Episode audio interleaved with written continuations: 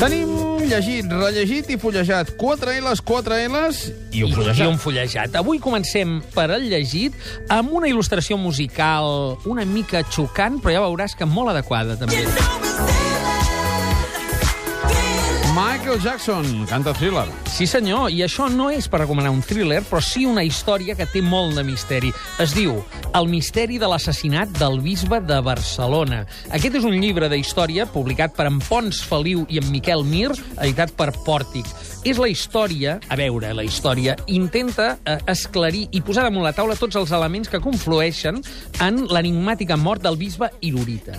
El bisbe Irurita, que era el bisbe, diguem, eh, més nacional catòlic que hi podia haver, eh, t'he de dir, només perquè, per, per donar un to, eh, eh, a l'hora de proclamar la república, el senyor bisbe Irurita va escriure un famós encíclic, eh, no, encíclica ho fan el, només els sants pares, diguem, un text en el qual parlava hay hombres abominables, satélites de Satanás, que tienen los ojos llenos de adulterio y de un continuo pecar, como dice el santo apóstol, los cuales atraen a las almas ligeras con halagos, con el cebo de apetitos carnales de lujuria, en espectáculos escandalosamente inmorales, en novelas y revistas obscenas en demasía. Això era l'any 33, 34, esclar, aquest home ja estava preparant un brou, per entendre'ns, com el que després vindria eh, de gran, eh, per entendre'ns, foscor eh, vital, no? Uh, bé, doncs, eh, amb aquest to, amb aquest uh, comportament carpetobatònic, era l'enemic a batre número 1.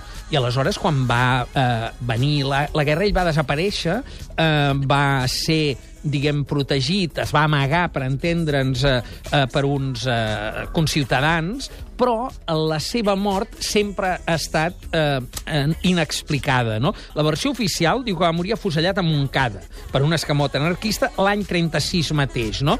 Eh, bé, aquest... I hi ha un cadàver que està mm, enterrat a la catedral de Barcelona. Però eh, hi ha testimonis solvents, a més del, del catolicisme de l'època, gent molt pietosa, que el van veure viu en data posterior i fins i tot després de l'entrada de les tropes franquistes a Barcelona. No? Eh, aleshores, eh, hi ha moltes hipòtesis que es dediquen en Pons Feliu i en Miquel Mir a intentar eh, recórrer, però no hi ha cap certesa.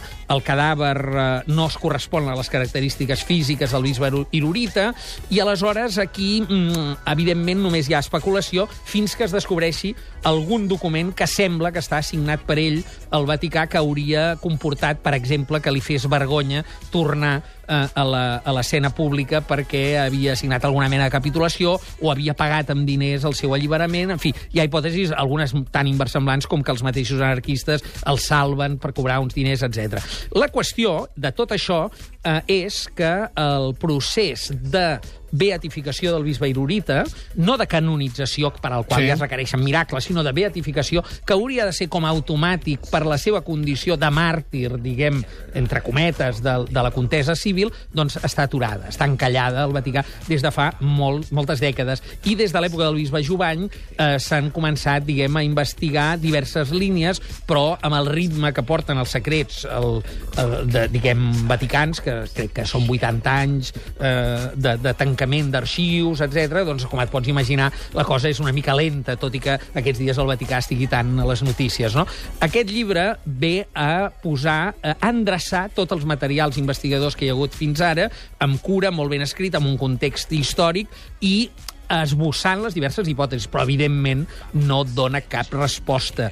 Pot, potser no la sabrem mai, com, com allò que se sol dir dels grans enigmes de la història, no sabrem mai com va morir el bisbe Irurita, però potser apareixerà documentació que permetrà ratificar alguna d'aquestes hipòtesis. En tot cas, ja ho veus per al meu to, diguem, això es llegeix com una novel·la. El misteri de l'assassinat del bisbe de Barcelona, llibre d'història, molt ben trebat, de Pons Feliu i Miquel. Mots clau? Aquí tenim misteri, nacional-catolicisme, opacitat, per tant, però també guerra civil i també Vaticà.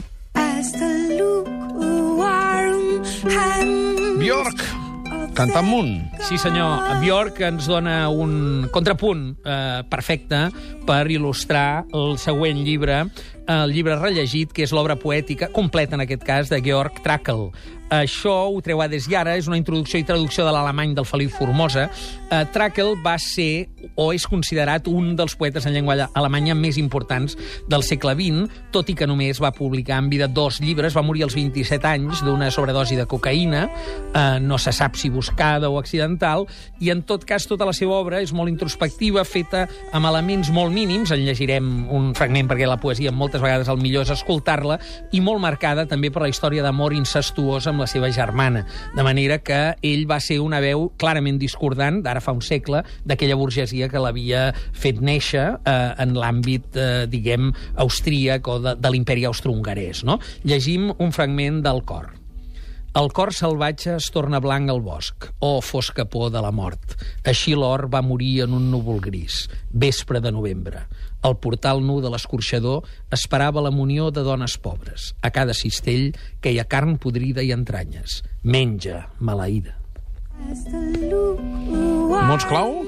Aquí tenim clarament contrapèl, aquesta és una poesia, diguem que va a contrapèl de la seva època, introspecció, marge, també, maleïtisme, i aleshores un parell de noms per situar en la seva tradició lingüística Holderlin, però també, com molt bé assenyala el Feliu Formosa en la introducció, eh, Joan Vinyoli. Joan Vinyoli, segons el mateix Formosa, va ser un dels lectors més apassionats de la nostra, de la nostra cultura de Tràquel, de les traduccions que el mateix Formosa anava fent ja de l'alemany al català. Per tant, un poeta, diguem, una mica especial per a lectors d'un gust molt i molt concret. Escolta, Espanya, la veu d'un fill que et parla en llengua no castellana. Ens ho recita en Xavier Ribalta. Sí, senyor, això és per il·lustrar el fullejat d'aquesta setmana. Uh, no he acabat de llegir-me'l, tot i que he mirat tota la, la introducció i el pròleg que se'n fa. Això és per il·lustrar Espanya contemporània, 1814-1953, un llibre del Jaume Vicenç Vives, que ara recupera Quaderns Crema, una edició a cura de Miquel Àngel Martín Gelabert, i traducció del francès, és a dir, de llengua no castellana, eh,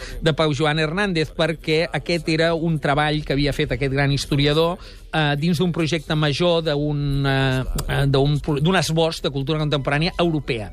Llavors eh, va quedar com estroncat en els anys 50, d'aquí que només abasti fins a l'any 53, i ens trobem, doncs, eh, clarament una visió com la de l'autor de Notícia de Catalunya, que potser és la seva obra més coneguda pel gran públic, una, il·lusió, una, eh, una visió molt fonamentada sempre, molt rigorosa, el mestre de tota una generació d'historiadors, eh, Jaume Vicenç Vives, ara, eh, feliçment, recuperat en un treball que era totalment introbable, Espanya contemporània, i, per tant, 1814 fins al 1953. Màrius, moltíssimes gràcies.